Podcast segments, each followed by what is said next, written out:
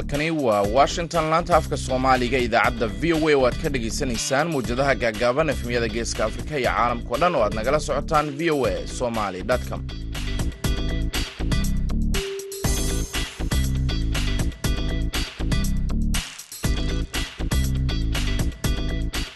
Waa maalin axada koob iyo labaatanka bisha agost sannadka labada kun iyo labaiyo labaatanka. Saacaddu waxay tilmaamaysaa kowda iyo barka duhurnimo idaacadda duhurnimo ee barnaamijka dhallinyarada maantana waxaa idinla socodsiinaya anigoo ah maxamed bashiir cabdiraxmaan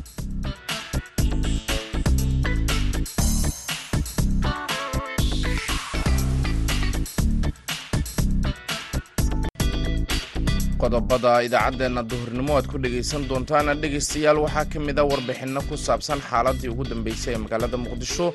Waxaad kaloo maqli doontaan barnaamijka hibada iyo hal abuurka oo aynu ku soo qaadanayno dowrka dhallinyarada ee dhinaca hal abuurka suugaaneed.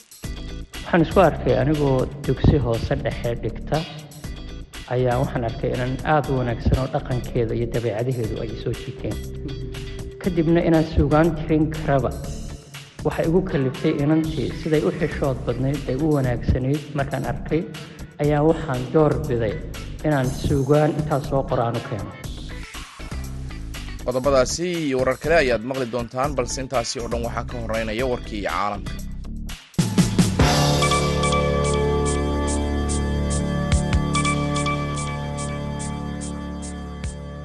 ciidamada ammaanka ee dowladda soomaaliya ayaa soo afjaray weerarkii maleeshiyada al-shabaab ay ku qaaday hoteelka xayaad ee magaalada muqdisho kaasi oo bilowday fiidnimadii jimcaha waxaana hadda guud ahaan dhismaha hoteelka la wareegay ciidamada amniga. Cisbitaalada magaalada muqdisho ayaa la gaarsiiyey dhaawaca inta badan dadka ku waxyeeloobay weerarkaasi. Isagoo ka hadlayay bannaanka hotel xayaad ayaa taliyaha ciidanka booliiska soomaaliyeed jenaraal cabdi xasan xijaar waxaa warbaahinta u sheegay in howlgallada amni lagu soo afjaray in howlgalkan amni la soo afjaray saqdii dhexe ee xalay isagoo intaa ku daray in boqol iyo lix qof ay ku jireen haween iyo carruur laga soo badbaadiyey hoteelka waxa uu sheegay in wasaaradda caafimaadku ay faahfaahin ka bixin doonto tirada dadka ku dhintay weerarkan macadda tirada rasmiga ah ee maleeshiyada al-shabaab ee weerarka ku soo qaaday hoteelkan iyo sida ay ugu fududaatay inay ku soo galaan walow wararka qaar ay sheegayaan in weerarku uu bilowday ama ku bilowday laba qarax oo ka dhacay bannaanka hore ee hoteelka. Gabar uu dhalay alexander dogen oo ah nin mayal adag oo ruush ah kuna dhow madaxweyne valadimir putin ayaa lagu dilay qarax gaari oo fiidnimadii sabtidii ka dhacay duleedka caasimadda moscow. Sidaa ay axadda maanta ah sheegeen saraakiisha baaristu. Baarayaasha gobolka moscow ayaa bayaan ay soo saareen ku sheegay in darya dugina oo uu dhalay alexander dugin lagu dilay weerar loo badinayo inuu ahaa walxaha qarxa oo loogu xiray gaari toyota landgruslah oo ay wadatay wakaaladda wararka taas ayaa soo xigatay andre krasnof oo yaqaanay dogena waxaana uu sheegay in gaariga uu lahaa aabaheed ayna u badan tahay in isagu uu ahaa bartilmaameedka weerarka. Waa wargeys ay dowladdu maamusho ayaa wariyey in labaduba ay ka qaybgalayeen xaflad ka dhacaysay duleedka moscow uuna dogen daqiiqadihii ugu dambeeyey isku bedelay gawaarida muuqaalada ayaa muujinaya baarayaasha oo qeybo ka mida burburka gaariga ka soo aruurinaya goobtii uu qaraxu ka dhacay. Warkii dunidana dhegeystayaal waa naga intaa.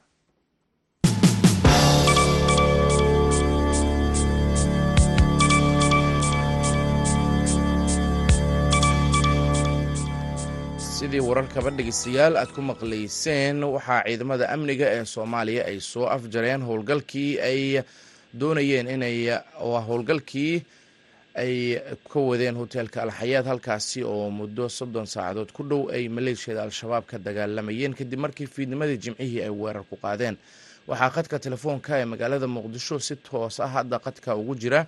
Xasan kaafi cabdiraxmaan qoyste wariyaha v o a ee muqdisho. Xasan soo dhowow bal ugu horeyn waa sidee xaaladda hoteelka ay ciidamadu sheegeen inay la wareegeen hadda oo ay soo afjareen howlgalkii mahadsanid maxamed bashiir ciidamada booliska soomaaliya ayaa sheegay inay soo afjareen weerarkii qaraxyada ku bilowday ee al-shabaab maqribnimadii jimcihii ku qaadeen hoteelka xayaad oo ku yaalla agagaarka kilomitr four ee magaalada muqdisho. Rag ka al-shabaab ayaa gudaha u galay hoteelka oo ka dhex dagaalamayay maxamed bashiirow ku dhowaad soddon saacadood oo xiriya waxaana weerarka la soo gebagabeeyey xalay saqdii dhexe sida uu warbaahinta u sheegay maanta taliyaha ciidanka booliska soomaaliya jenaraal cabdi xasan xijaar oo shir jaraa-id ku qabtay magaalada muqdisho gaar ahaan isgoyska lamber afar. Xijaar ayaa sheegay in ciidamada balaysku ay soo badbaadiyeen boqol iyo lix qof oo ku jirtay gudaha hoteelka kuwaasoo isugu jiray carruur haween iyo dad kale oo waayeela. Waxaana uu ka gaabsaday taliyuhu inuu carabka ku dhufto khasaaraha rasmiga ee goobta ka dhashay hadday tahay dhimasho ama dhaawacba. Laakiin waxaa la qiyaasayaa in ku dhowaad labaatan qof ay ku dhinteen weerarkaasi. Dhinaca kale howlwadeenada cisbitaalada magaalada muqdisho oo aan maanta booqday ayaa ahaa kuwo aada u mashquula oo ku howlan daweynta dadkii ku soo dhaawacmay weerarkii xayaad cisbitaalka madiine oo aan tegey ayaa la geeyey intii weerarku uu socday saddex iyo toban meyd ah iyo dhaawacyo tiradoodu gaarayso afartan. Halka cisbitaalka digfeer la gaarsiiyey afar meyda iyo soddon iyo toddoba dhaawaca. Goobta qaraxyada iyo weeraradu ay ka dhaceen hotel xayaad ayaa iminka waxaa ku sugan ciidamada amniga dowladda soomaaliya waxaana hoteelka ka muuqda burbur aad u badan iyadoo welina maxamed bashiirow ay xiran yihiin wadooyinkii ama hoteelka soo gelaya ama ilaa isgoyska lamber afar waddada maka almukarama qaybo badan oo lamber afar wadooyinkii ka soo gelayay ayaa xiran. Marka waxaa la filayaa goor dhowna in wasiirka amniga iyo wasiirka caafimaadka iyo ay hadlaan iyagana oo ay warbaahinta u sheegaan dhinacooda sida ay u arkaan weerarka khasaaraha baaxaddaas la geystay ee lagu soo qaaday hotel xayaat. Ugu dambeyn xasan bal waxaad ka warbixisaa waa sidee dareenka dadka reer muqdisho ee soddonkii saacadood ee la soo dhaafay u hanqaltaagayay inay ogaadaan waxa ka socda hoteelka iyo khasaaraha halkaasi ka dhashay? Bal dareenkaasi waa sidee dareenku dad dareenka dadka dadka dhacdadan aada ayay uga walwalsan yihiin oo mar horaa u dambeysay hotel sidan oo kale loo galo oo islamarkaana qaraxyo inta ku bilowdo weerarkiisa kadibna ay rag hubaysani gudaha u galaan. Marka labadii maalmood ee la soo dhaafay iyo inta weerarka hoteelka ka socdayba dadku aad bay u walwalsanaayeen dhinaca kale maxamed bashiiro waxaa xusid mudan in markii ilaa iminka markii taliyaha ciidanka boolisku uu sheegay in weerarkii la soo in la soo gebagabeeyey dhibaatadii ka taagneed ama mashaqadii ka socotay hotel xayaat ay jiraan dad badan oo dadkoodii weli raadinaya oo sheegaya in markii ugu dambeysay hotel xayaat ka sugnaayeen boolisku ma sheegin in hotel xayaat markii ay la wareegeen ciidamada amnigu ay ka heleen meydad horle iyo in kale laakiin dabcan saacadaha soo socda way soo ifbixi doonaan wixii hoteelka ku harsan laakiin dadku aad ayay uga walacsan yihiin dhacdooyinkaas. Waana sheekada ugu hadalhaynta badan ee maanta magaalada muqdisho laysla dhex marayo sida dadku u badbaadeen tirada dadkii ku dhintay qaabkii weerarada u dhaceen.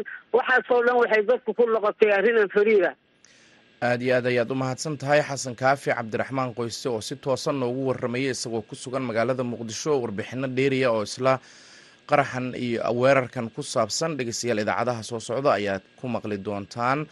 Haatanna waxaad ku soo dhowaataan barnaamijkii hibada iyo halabuurka oo axad walba xiliyadan oo kale aad ka dhegeysataan idaacadda v o a. Waxaana magaalada muqdisho noogu soo diyaariyey wariyaha v o a cabdulqaadir maxamed cabdulle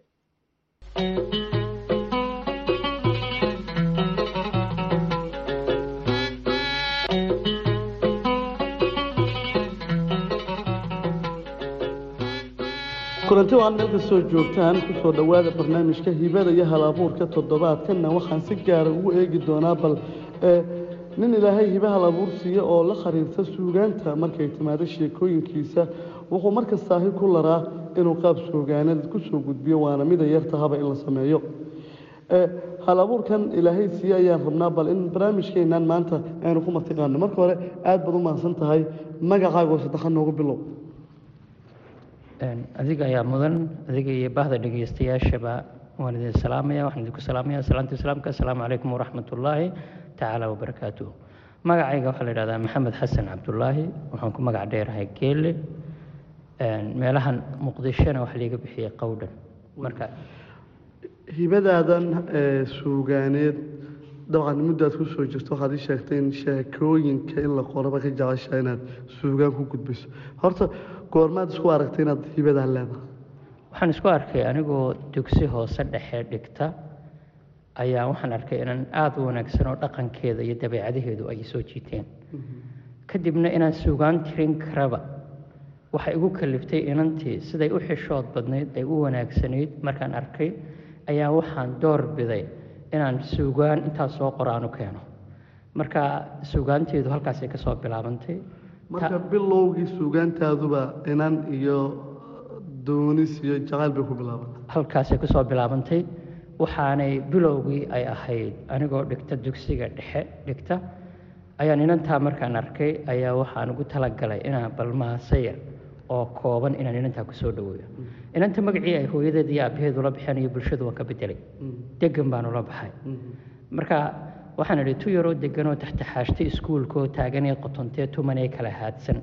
Tufaaxdaa baxday ee towlan ee baxsan ee turxaan loola tegayne tagtay ee halkan joogta toy degan baa la yidhaahdaa. Sidii meel tigaad loo tumi weynu ku horo todobkii helay. Tayadeedu wacnaa maxaysiis alla soo tibiyaa markaasaan kadib waxaan bilaabay inaan talow aan xarakayo timaheeda jalaaco waa tolmoonta haween ala taagay halka. Markaasaan arrinkeeda inaad suuraysood sawirtood maaragtay uun si walba lagu ammaani karo. Inaan markaas suureeyo oon inantii suuraheedii aan soo suureeyo qaabkay ahayd iyo qaabkay u noolayd iyo siday ilaahay uu u dhaliyey markaas soo suureeyo. Kadib baan markaa aan ku soo gunaanaday inaan intaan ka soo bilaabay timaha ayaa waxaan keenay cirbaha. Marka waa toolmoonta haweene alla taagay halkaas marka markaan inantii xarakadeedii aan soo dhameeyey ayaan idhi maynu taagna jacayl. Suugaantaada si guud daban jacayl buu ku bilowday waxaad nii sheegtay inay tahay hiba aad isku aragtay oodan adigu raaraadin. Marka maxaad horta maxamed oo adigu raadisaa? Anigu waxaan raadiyaa dhibaatooyinka bulshada ka dhex jira. Ayaan xalkooda raadiyaa. Markii aan yaraa ilaa iyo marka aan soo weynaaday aan soo hana qaaday mar walba suugaanteedu waxunbay ku salaysnayduun dhibaatadaas aan arko ama aan jidka kula kulmo hooyo dhibaataysan oo darxumaysan oo duruufaysan ama aan kula kulmo dhallinyaro uu waayuhu ciilay ama aan kula kulmo dad kale oo mas'uuliyiina uu wakhtigu wakhtigu u tumaatiyey. Marka mar walba dhibaatada aan arkay ee bulshada dhexdeeda aan ku arko ayaan sheeko intaan ku soo gudbiyo ayaan kadibna suugaaneeyaa. Markaas sidii markii ugu horreysay ay igu dhalatay inaan sheeko suugaan u bedelana gaariye ilaahay naxariistii jinnaha ka waraabiye. Macallinka aan ku faano ayuu ahaa. Sheeko sheeko beri la ii galay. Maasadaa uu u bedelay sheekadii boqorkii geesaha lahaa. Sheekada uu u bedelay ayaan arkay markaasaan isiri niyo maad isku daydid way sahlan tahay oo adiga laftaadu jiiftada waad ku samayn kartaa marka godka ugu badan ee sheekooyinka aan kaga halceliyaa godka jiiftada ayaa u badan markii aan soo weynaaday adigu aan dhowr iyo labaatanka soo gaadhay kadib ayaan gabay inaan u bedelo inaan geeraar u bedelo inaan noocyadii kale qaybihii kale ee adoo jiiftada ku eegaya deelqaafna ka fogaanaya mar kasta ayaad waddadii gaariye martaa waddadii gaariye uu jeexay intaan maro ayaan weliba xataa mid baan anigu kaga sii yaro duwanaayo haddii aan ka hadlayo haween.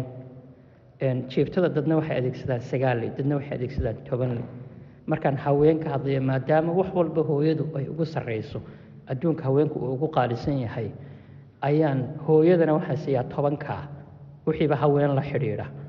Wixii rag iyo la xidhiidha iyo howlaha kale iyo dhibaatooyinka kale ee bulshada ka dhex jirana sagaaleyda ma dhaafiyo. Waan bal aan ku bilaabo hooyada saad sheegta hooyadu waa waa waa tiir waa udub dhaqaad la'aanteedna lama jiray. Marka markaad hooyo ka hadlayso oo hooyo faraxsanna aan eegno hooyo murugaysanna aan eegno sideed u wajahda hooyadu waxay ku xidhan tahay mar walba duruufta ay taagan tahay ayay ku xidhan tahay. Duruufta hooyadaa haysataa haddii ay tahay hooyo hadda hee sideedda heesahan carruurta lagu sabo waxaa loo ogaa inay haweenku sameeyaan. Boqol way ka badan yihiin heesaha hooyooyinku ay ilmaha ku sabaan ee aan sameeyey way ka badan yihiin boqol way ka badan yihiin. Anigu aan sameeyey ee aan hal abuuray ee aan la wadaagay hooyooyinka iyo bulshada aan la wadaagay. Si ay hooyadii maadaama hooyadu ay qiimaha leedahay marba marxa- marxaladda ay ku jirto ayaan ayaan eegaa oo aan ku saleeyaa suugaanta. Haddii ay dhibaato tahay foogan oo aada u culus ay tahay mar ay tahay naxariis marka ay tahay farxad marka ay tahay markay waane iyo wax sheegmo ay noqoto insha allah waxaan waxaan idinla wadaagi doonaa. Bahda v o a iyo adigaba waxaan idinla wadaagi doonaa sheeko gaaban oo sheeko aada u gaaban ah qisadiioo qoran iyo iyadiioo suugaana.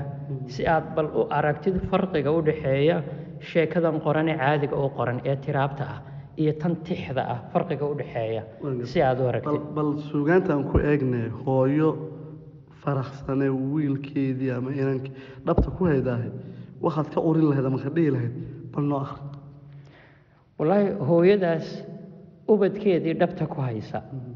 Hooyadu markaa ay faraxsan tahay mar waxay u tirisaa inay hilow uu jiro oo jacaylka ay u qabto ay u muujinayso. Oo jacaylka ay u qabto ay u muujinayso.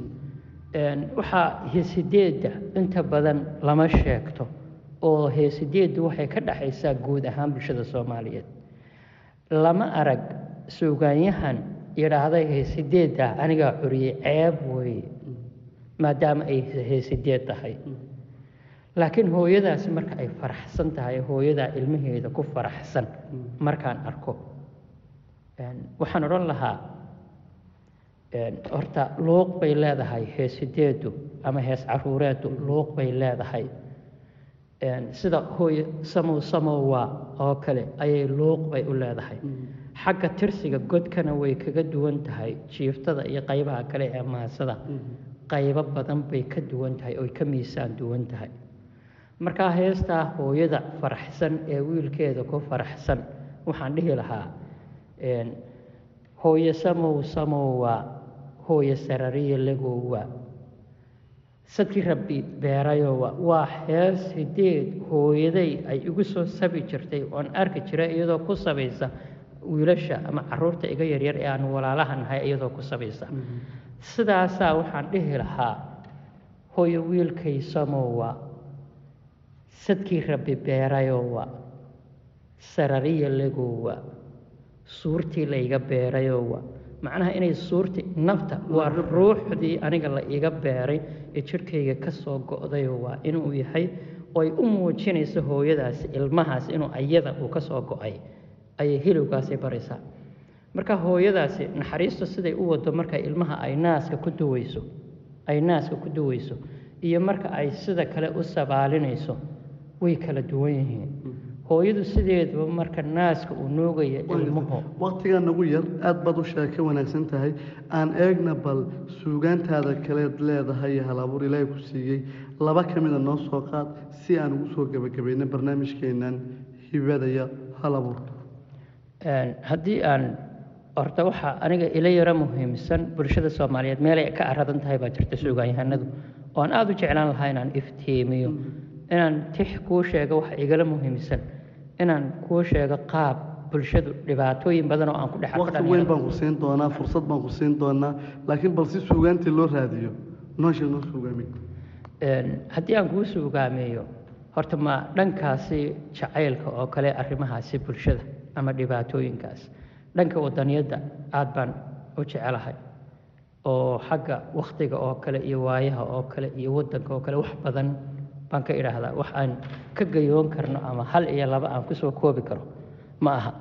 Maasada haddii aan hal maaso bilaabo wakhtiga dhan tobanka daqiiqe aad rabtaba way kaa qaadanaysaa. Marka waxaa ila quman inaan bulshada si kale ugu iftiimiyo oo hadda laba shay oo laysku qaldaa jira waxaa la ysku qaldaa sarbeebta iyo duur xulka ayay bulshada soomaaliyeed isku qaladaa marka sarbeeb laga hadlayo sarbeeb waxay iska leh tiraabaa iska leh duurxul marka laga hadlayana waxay iska leh suugaanbaa iska leh oo labadooda siday u kala wen yihiin oo midna ay sarbeebtu ay u sahlan tahay. Waa inuu qofku uu u sarbeebo ujeeddada uu qariyo isagoo tiraab caadiya kula hadlaya qofkan. Sida samadaa loola baxay oo kale ayuu yihi samadaa loola baxay. Dee ma aha suugaan. Laakiin waxa weeyaan laakiin waa sarbeeb tiraaba oo ma ka mug weyn hadalkii caadiga ahaana ka mug weyn oo ka miisaan culus laakiin aan xaraf lahayn. Marka ay gabayga gasho ay gabayga gasho siyaasad bay gashaa humaagyaa la adeegsadaa waxyaabaha dadku aanay afka aanay ku dhiiran karin ee sida waxyaabaha sida gogashoo kale waxyaabaha laga dhowrsado.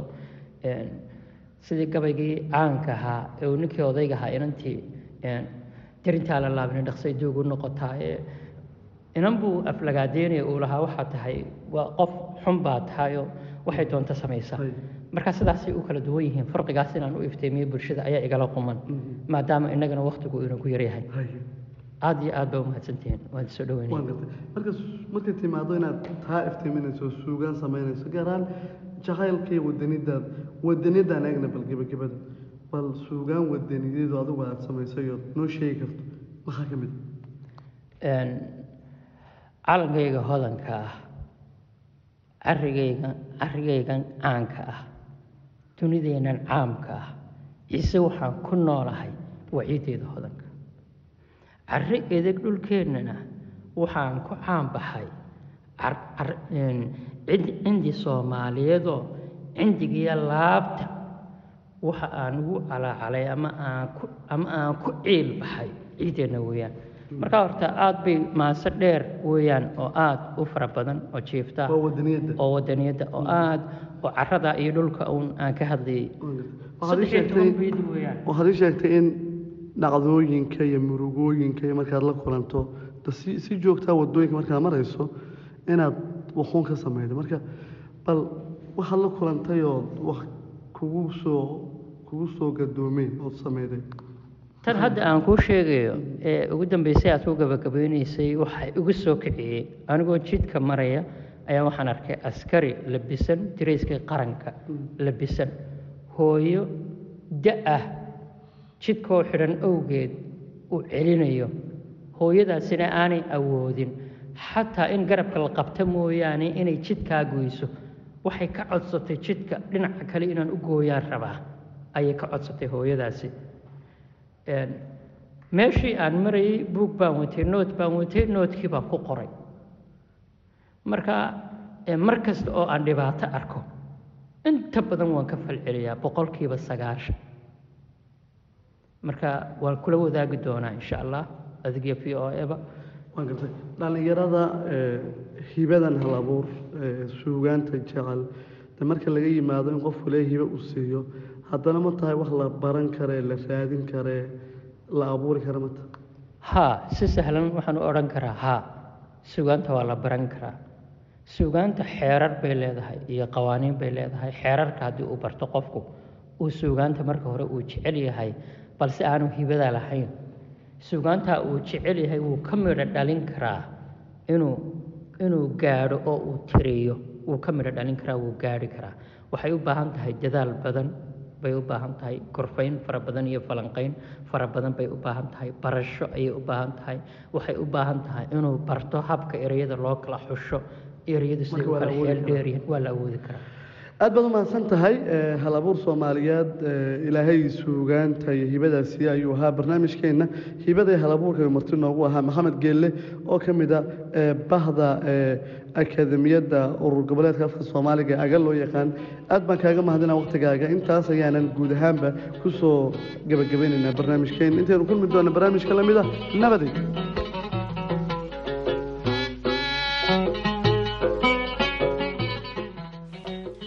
mahadsanid cabdulqaadir maxamed cabdulle oo noo soo diyaariyey barnaamijkaasi hibada iyo halabuurka kuna soo diyaariyey magaalada muqdisho. Markana war muqdisho naga soo gaaray. Wasaaradda caafimaadka ee soomaaliya ayaa sheegtay in ugu yaraan koob iyo labaatan qof ay ku dhinteen weerarkii al-shabaab ay ku qaaday hoteelka xayaad ee magaalada muqdisho.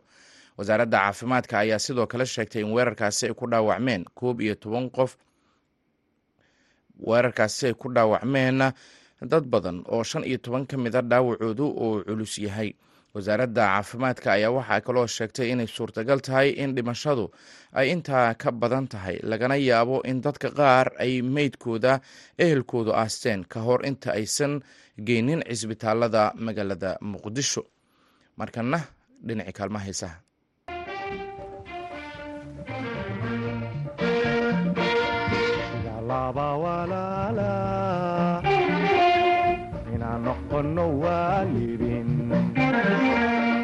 sida layla iyo qays inaan noqono laanqudha sida laba walaala inaan noqono waalidin sida layla iyo qays inaan noqono laanqudha lahasha awga mallado hurdadaba ana lahasha awga mallado hurdadaba dasa habeenima lilow la iigu heesaa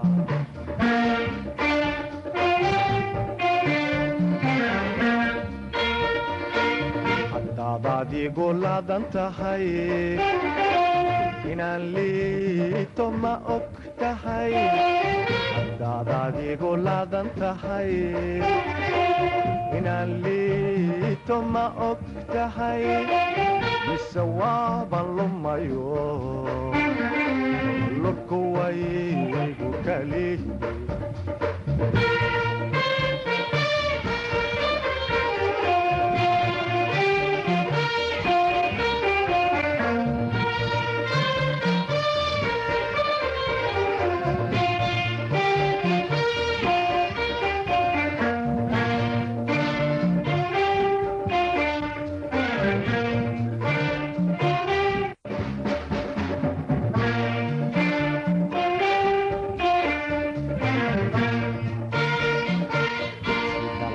laydha iyo roob inaan noqono waalidin sida lug iyo faras cola inaan noqono lama huraan sida laydha iyo roob inaan noqono waalidin sida lug iyo faras cola inaan noqono lama huraan anna labalabiyo ciil mallado hurdadaba anna labalabiyo ciil mallado hurdadaba lixdasa habeenima lilow la iigu heesaa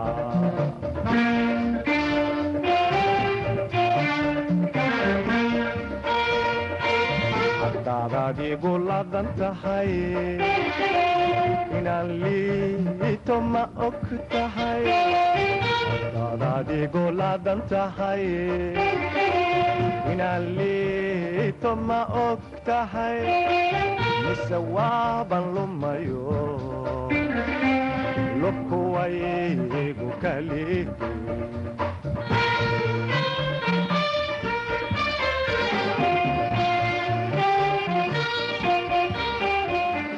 heestaasina waxay u dambaysay idaacaddii duhurnimo ee barnaamijka dhallinyarada maanta.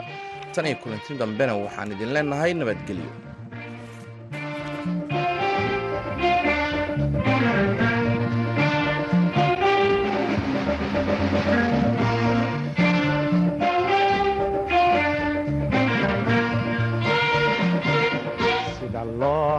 iyo diin inaan noqono waalidin sida leeb ka dhacay qodhi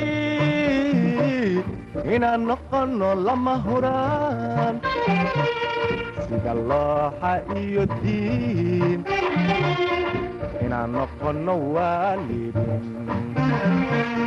sida leeb ka dhacay qodhi inaan noqono lama huraan anigana libaaxi